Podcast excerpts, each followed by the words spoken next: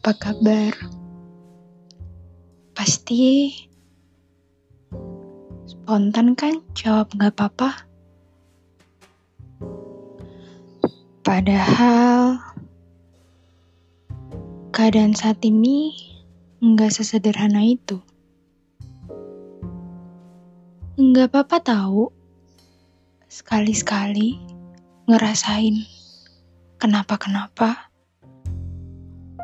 Ngerasain nggak baik-baik aja. Bukannya itu normal ya? Kita kan manusia.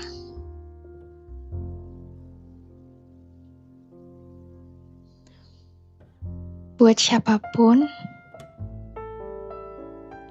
yang hari ini merasa dirinya sedang gak baik-baik aja, tetap semangat ya. Kalau rasanya ingin menyerah, selalu ingat